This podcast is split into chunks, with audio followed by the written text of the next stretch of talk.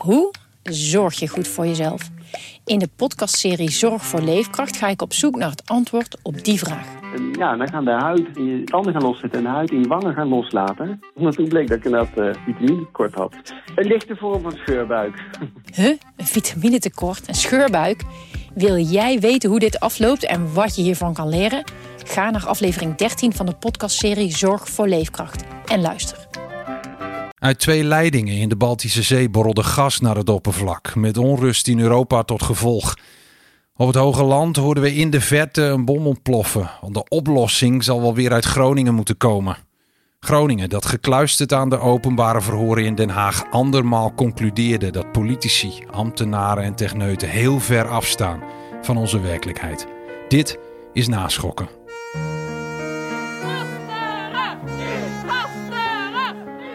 Vermindering van de gaswinning komt echt vlot tot stand. Ze liggen alles aan elkaar vast. Die word je niet goed van. Iedereen heeft er ontzettend lak aan hoe wij ons hier voelen. Het is een fact of life. Ik bied daarvoor namens de regering mijn welgemene excuses aan. Je luistert naar de podcast van Dagblad van het Noorden over de parlementaire enquête gaswinning Groningen. Mijn naam is Arnoud Bodde vanuit Den Haag. Hoort u mijn collega's Lianne Levy en Bas van Sluis. Hoi. Bas, Lianne, ehm, de hele week op het puntje van de stoel en gespitst op urenlange verhoren. Inmiddels comfortabel vanaf de redactie van de collega's van NSC. En na een weekje reces, zo kunnen we het wel noemen, begon de commissie deze week aan een nieuw hoofdstuk, toch Lianne? Ja, dat klopt. Het ging deze week uh, over de versterking. Eigenlijk uh, is daar wel een paar keer over gegaan, maar deze week stond er overduidelijk echt in het teken van, van het aanpakken van de woningen in Groningen. Om ze veiliger te maken, zodat mensen hun huis levend uit kunnen bij een aardbeving. En nou begon de week om nog maar eens duidelijk te maken over wie het gaat. Uiteindelijk gaat het over mensen met een inwoner van Groningen. Uh, de 41ste getuige voor de commissie inmiddels. Vrouwke Posma Doornbos uit Schildwolde. En haar verhaal kroop onder de huid. En uh, onze zoons hebben hun, uh, hun, hun puberjaren, hun tienerjaren doorgebracht. Um, in een hele gestreste omgeving met heel gestreste ouders. Uh, en hebben daar elk op hun eigen manier echt de mentale gevolgen van. Uh, onze jongste zoon is zwaar depressief geworden. Dat hadden wij helemaal niet door in het begin. Hij sloot zich in zijn eigen wereld op. En als je dat dan later merkt en ziet, dan denk je: ik heb gewoon gefaald. Ik heb gewoon gefaald als moeder.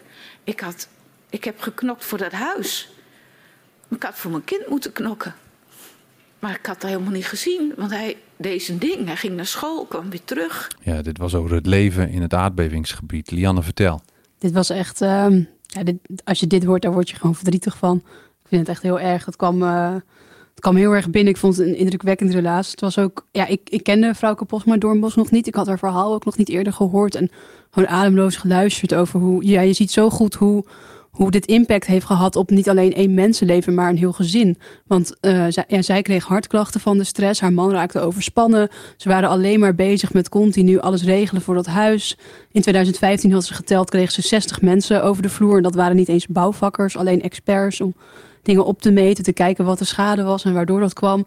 En in al die, in al die toestand hebben ze dus niet doorgehad dat hun eigen kind depressief werd dat is gewoon zo verdrietig. En ook dat ze zegt, ja, ik heb gefaald. Terwijl dit, is hun ook overkomen, deze hele ellende. Ja, jeetje. Om heel eerlijk te zijn, Arnoud, ik dacht van, goh, wie is dit alweer een gedupeerde? En we hebben al zoveel gedupeerden gehad en we hebben al zoveel erover gesproken. Uh, en, maar toen ging zij praten en toen kwam ze hiermee en iedereen was stil. Hè? En ik heb mezelf de hele tijd goed onder controle, maar ik moest echt slikken. Ik moest echt vechten tegen, tegen de tranen toen ik, toen ik dit hoorde. Ja. En ik had het idee dat iedereen dat had hoor. Ik bedoel, en dat, er waren meerdere momenten. Ze vertelde over hoe ze haar bruiloft uh, wilde vieren met haar, haar man en vrienden en hun gezin. En dat, dat er een aardbeving plaatsvond terwijl zij in de tuin in, mo in mooie kleren stonden. En dat er, ze, ze hadden het over alsof een monster dat in de grond zit zijn bek opentrekt. Ze hadden het over een eng geluid. En uh, en da, daar sta je dan met je mooie kleren, vertelde ze. Ja. En de visite met de bloemetjes onder de arm. Het, het, was echt, echt, nou, ik heb haar na, nadien nog even uh, opgevangen. Ze was ook helemaal leeg, zei ze. ze uh, haar man was er ook ter ondersteuning. Nou, je ziet gewoon dat ze er nog steeds last van hebben. Dus ik vertelde net alweer een gedupeerde. Dat bedoel ik helemaal niet zo negatief hoor. Dat bedoel ik helemaal niet zo slecht. Maar dat was wel, want ik kende haar ook niet. Net zoals Lianne. Zij was voor ons een onbekende gedupeerde. En dan met zo'n verhaal. En die commissie, ik weet zeker, die waren ja. allemaal van slag. Wij ook tenminste hoor. De pers ook. Ja, die maandag die, die bleef doorspekt met emotie. Want uh, voormalig SP-gedeputeerde Eelco Eikenaar, de man die jarenlang streed voor de belangen van inwoners van de provincie, die uh, kreeg van commissievoorzitter Tom van der Lee uh, de volgende vraag. Waren jullie in staat om de belangen van de burgers, zoals jullie ze zagen, voldoende te borgen ja, op dit moment, in dit tijd? Dat, is een hele, dat vind ik een hele moeilijke vraag. Dat vind ik echt een hele moeilijke vraag. Ja. Ik, sorry. Neem even een stukje later. Dat vind ik een hele moeilijke vraag. Ik denk dat het antwoord nee is. Ja, de politiek is niet zomaar een baan, maar een overtuiging. Bas, waar zat uh, de pijn in het verhaal van Eikenaar? Ja, nou ja, dat hij zo goed zijn best heeft gedaan. En dat hij uh, probeerde dingen echt te veranderen. Maar dat hij gewoon geen gehoor vond in Den Haag. Uh, hij, hij schetste echt het, het Den Haag versus de regio Groningen. Hij, kwam met een voorbeeld, als je het me toestaat. De allereerste keer dat hij minister Henk Kamp uh, ontmoette in een uh, petit comité, dus in een klein comité, ging Henk Kamp eerst even alle uitspraken die Eikenaar had gedaan, ging die voorlezen. Uh, en zo ga je niet met elkaar om. Uh, meneer Eikenaar was de boodschap van Kamp. En Eikenaar zei, ja, zo ga je met mijn provincie om. En Eikenaar is niet de typische bestuurder die wij kennen. Het is meer een vechter. Hij, hij heeft ook altijd gezegd, ja, ik, ik ga niet uh, opzitten om handjes te geven of pootjes te geven aan de minister. Ik ben er voor de Groningers. En Kamp deed dat een tweede keer. En ja, hij, hij zei, en toen was hij echt boos. Hij zei van, ja, Kamp straalde hiermee uit. En misschien heeft hij het zelfs wel gezegd, maar dat weet ik niet zeker. Maar die zei van, luister Eikenaar, Jij doet wat ik zeg, want ik ben de minister. Nou ja, die emotie die zat, die zat erin. En hij had ook nog iets van, ja, ik moest opkomen voor die bewoners. Hè? Dat, dat, was, dat is echt zijn, zijn boodschap. En hij zei, ik kan dat alleen maar doen via de rechter, dus via de Raad van State, of via grote politieke maatschappelijke druk. En toen hield hij even stil en toen zei hij van, ja, en ik moet toegeven, het is me, het is me niet gelukt, het is, ik ben niet geslaagd. En toen ging hij weer huilen, althans huilen. Weet je, hij brak. En dat, ja, dat ja. zijn toch momenten, dat, dan, dan kom je erachter ja. hoe diep alles, uh, alles zit. En toen op dinsdag, uh, uh, zakdoeken, tissues van tafel, iedereen op het puntje van de stoel bij het verhoor van Harry van der Meijden, voormalig toezichthouder bij Staatstoezicht op de Mijnen, de onafhankelijke instantie die toezicht houdt op de delfstoffenwinning, energiewinning in Nederland. En hij vertelde over zijn sollicitatiegesprek in 2014. Tegenover mij zat de secretaris-generaal. Maar ik later begreep, de IG is het eigendom tussen aanhalingstekens en de organisatietermen van de SG. Daar zat een directeur van EZ bij. Daar zat mijn de toenmalig plaatsvervangend inspecteur-generaal Wolf van der Lind bij. Daar zaten ongetwijfeld wat personeelsmensen bij van economische zaken. En wat mij zeer verbaasde, er zat ook de secretaris-generaal van NOGEPA. En NOGEPA is de brancheorganisatie de sector, voor de sector, de olie- en gassector. En ik vond het apart omdat een sollicitatiegesprek voor een toezichthouder waarbij de sector aanwezig is op wie toezicht wordt gehouden, dat vond ik bijzonder. Um, dat gesprek heeft ongeveer een uur geduurd. Kunt, kunt u aangeven uh, waarom u dat uh, zo bijzonder vond? Um, ik vind het niet per se vanzelfsprekend dat als je iemand bevraagt over zijn, eventuele, zijn of haar eventuele geschiktheid voor een functie als inspecteur-generaal, toezichthouder op de sector, dat degene op, uh, die de sector vertegenwoordigt, op wie jij eventueel toezicht gaat houden, in dat gesprek aanwezig is. En dus mm, bewust of onbewust daarin een rol zou kunnen spelen in de besluitvorming. Ik vind dat niet zuiver. Lianne, dit was bijna ongemakkelijk, kan ik me voorstellen. En hij had meer van dit soort voorbeelden, toch? Ja, dit was echt een verhoor waarbij het een na het ander kwam, kwam naar boven. En echt meerdere momenten dat Bas en ik elkaar aankijken van... nou, hebben, hebben we dat nou goed gehoord? Dus wat je net vertelde, dat is natuurlijk gewoon bizar dat die brancheorganisatie voor gas en olie bij het gesprek zit van een toezichthouder die toezicht moet gaan houden op de olie- en gasindustrie. Ja. En het hield maar niet op. Hij vertelde ook nog dat uh, hij heeft heel lang bij Shell gewerkt en hij had nog aandelen van Shell. En die had hij ook nog in een sollicitatieprocedure voor zijn nieuwe baan als toezichthouder. En op een gegeven moment heeft hij dus maar gezegd van ja, uh, ministerie van Economische Zaken, ik heb nog aandelen in Shell. Dat lijkt me niet helemaal de bedoeling. Toen was hij al toezichthouder, hè? Ja, toen hij, was hij, hij, dus had, al hij, had de ba- toezichthouder. hij had de baan al. En nou ja, het hield maar niet op. Er kwam nog iets, want hij vertelde dat eh, toen hij eenmaal toezichthouder was, toen moest hij minister Henk Kamp adviseren over de hoogte van de gaswinning in 2016. Ja. En toen kwam hij daar aan voor dat gesprek. En opeens zaten Dick Benschop van Shell, Joost van Roos van ExxonMobil en Gerard Schotman van de NAM ook aan tafel. En hij wist van niks. Die man die komt bij de minister om advies te geven over hoeveel eh gas eh, eh, gaat, gewonnen gaat worden door de NAM en, en waar. Ja. En dan treft hij daar bij dat gesprek aan tafel, treft hij gewoon de mannen die daar geld mee moeten verdienen. Ja, met z'n drieën tegenover hem. Ja. Dat is toch een bizarre situatie? Ja. Dit bedenk je toch niet? En, en dan moet je ook nog even, na afloop, dus die man die zei van ik ben totaal overrompeld. Nou, ik dacht echt aan een compleet ander woord, maar eh, dan, dan gaan ze naar buiten en wordt hij aan zijn jas getrokken door Gerald Schotman. Terwijl die andere twee, dus Dick Benschop en Joost van Roost, erbij zijn. En Schotman zegt, ja, jij bent alleen maar tevreden als de productie van het gas uit, uit Groningen naar nul gaat. Nou, het is, het is zo intimiderend. Je kunt het je niet voorstellen. Je kunt het je gewoon niet voorstellen. En dan de dag daarna komt er een of andere ambtenaar, of een of andere, de hoogste ambtenaar van, van EZ, Maarten Kamps, die zegt: Ja, het is natuurlijk wel ongemakkelijk, maar goed, we wilden ook voorkomen dat we gingen pingpongen naar elkaar. Alsjeblieft zeg. wereldvreemd. Echt wereldvreemd. Ehm, van Maarten Kamps is het eigenlijk maar een kleine stap. Eh, daar komen we zo op naar de man die in 2015 als Nationaal Coördinator Groningen op zaken zou stellen in het versterkingsprogramma. Eh, maar die in mei 2018 zich genoodzaakt zag bij toenmalig minister Wiebes zijn ontslag in te dienen. Daar werd naar uitgekeken. Niet in de laatste plaats omdat Aldus in de jaren na zijn ontslag eigenlijk nooit uitgebreid zijn verhaal heeft gedaan in een interview of iets dergelijks. Eh, de tribune zat vol, meende ik te zien.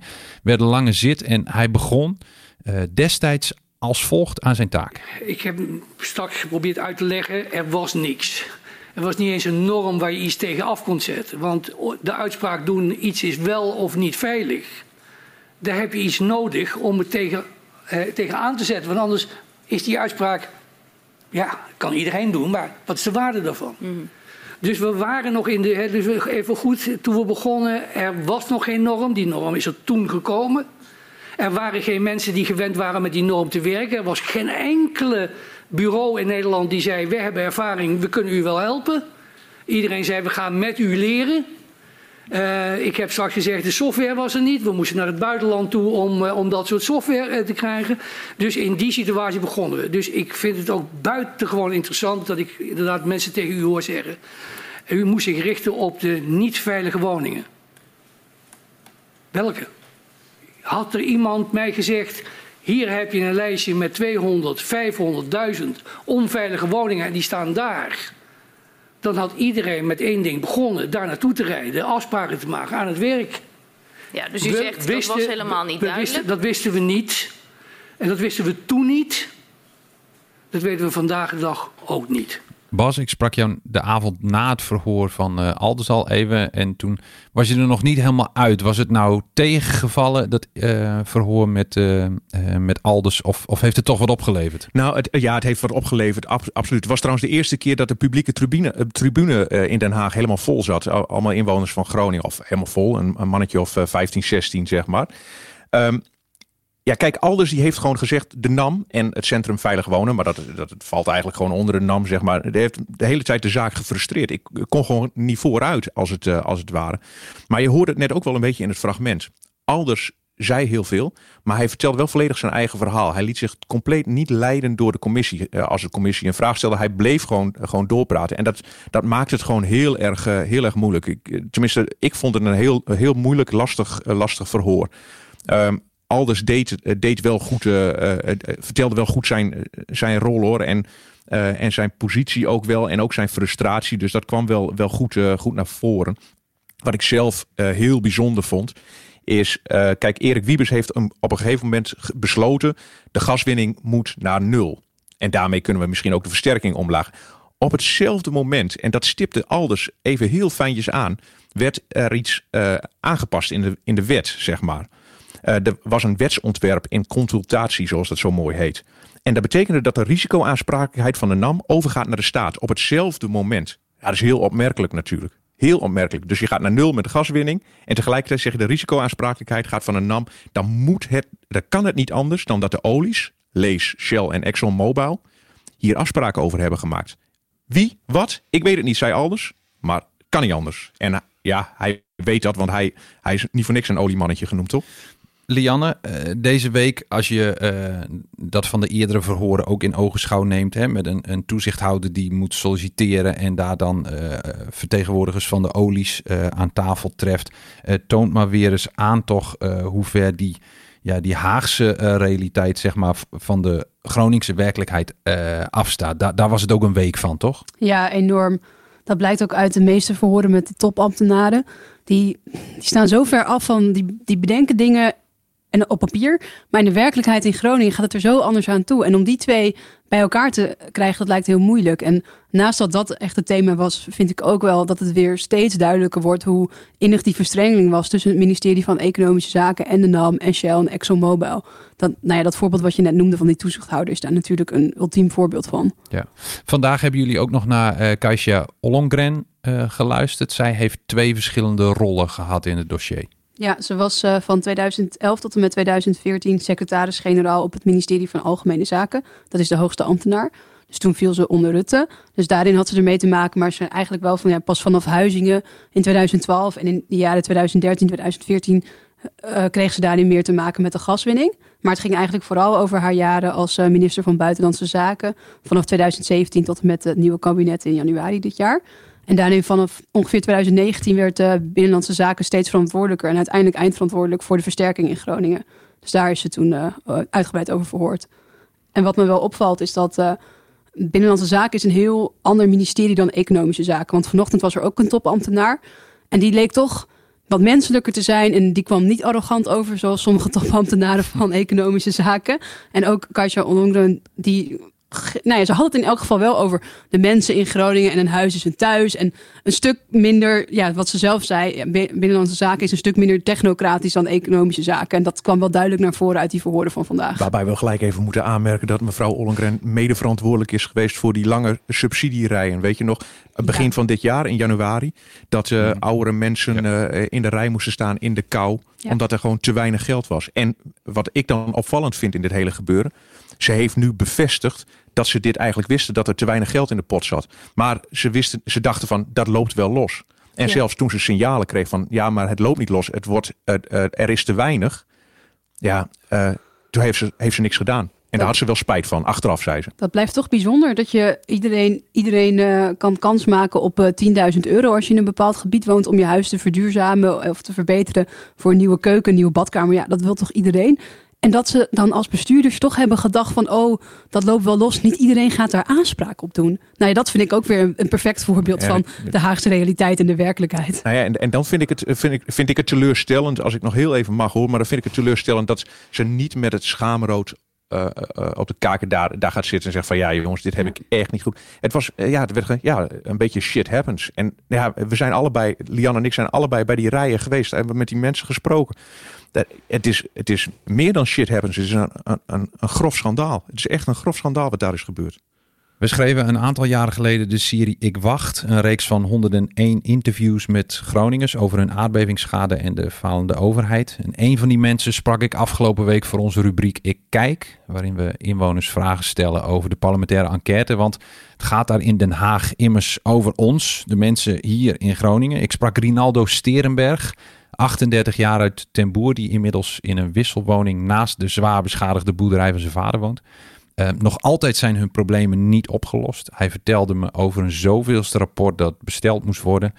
Uh, weer 2.500 euro in de verkeerde zakken, zei hij. Hij kijkt niet. De vlag hangt aan de gevel. Blauw, wit, rood. Rinaldo Sterenberg heeft alle vertrouwen in de politiek verloren. De overheid moet schuld bekennen, zei hij. Alles betalen en de Groningers gratis gas ter beschikking stellen. En hij vertrouwde me toe dat enkel het feit dat hij kinderen heeft hem nog op de been houdt. En ik werd daar even heel erg stil van. Um, we gaan naar een nieuwe week. Lianne, wie worden de volgende week verhoord? Henk Kamp voor de tweede keer. Maandag uh, mag hij voor de tweede keer komen. En dan gaat het meer over de laatste jaren. Dus eerst hebben we Huizingen gehad en daarna gaat het over de laatste jaren als minister voor het Erik Wiebes komt.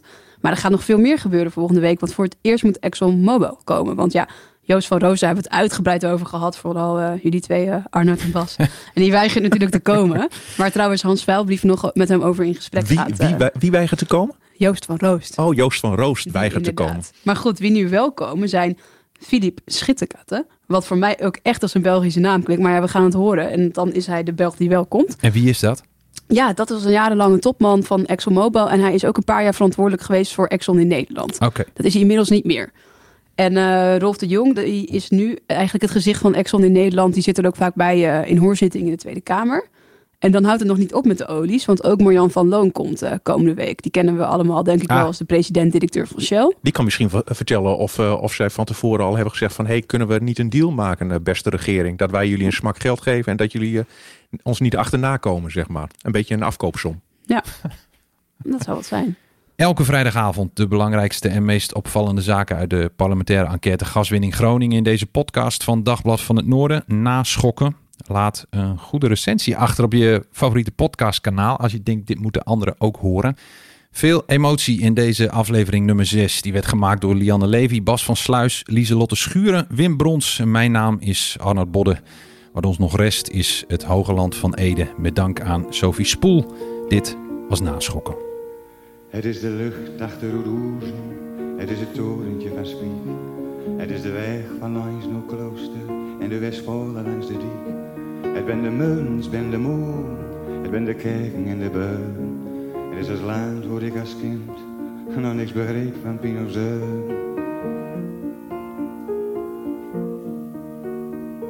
Het ben de muns, het ben de beun. Het is een doevertillende stroot, het is een oude bakkerij. Het ben de grote boomplotsen van waar we mosket zo naar mij. Het is de waait, het is de hover, het is het koolzoot in de blauw. Het is de horizon bironen, vlak noorden dunne bui. Dat is Milaans, mijn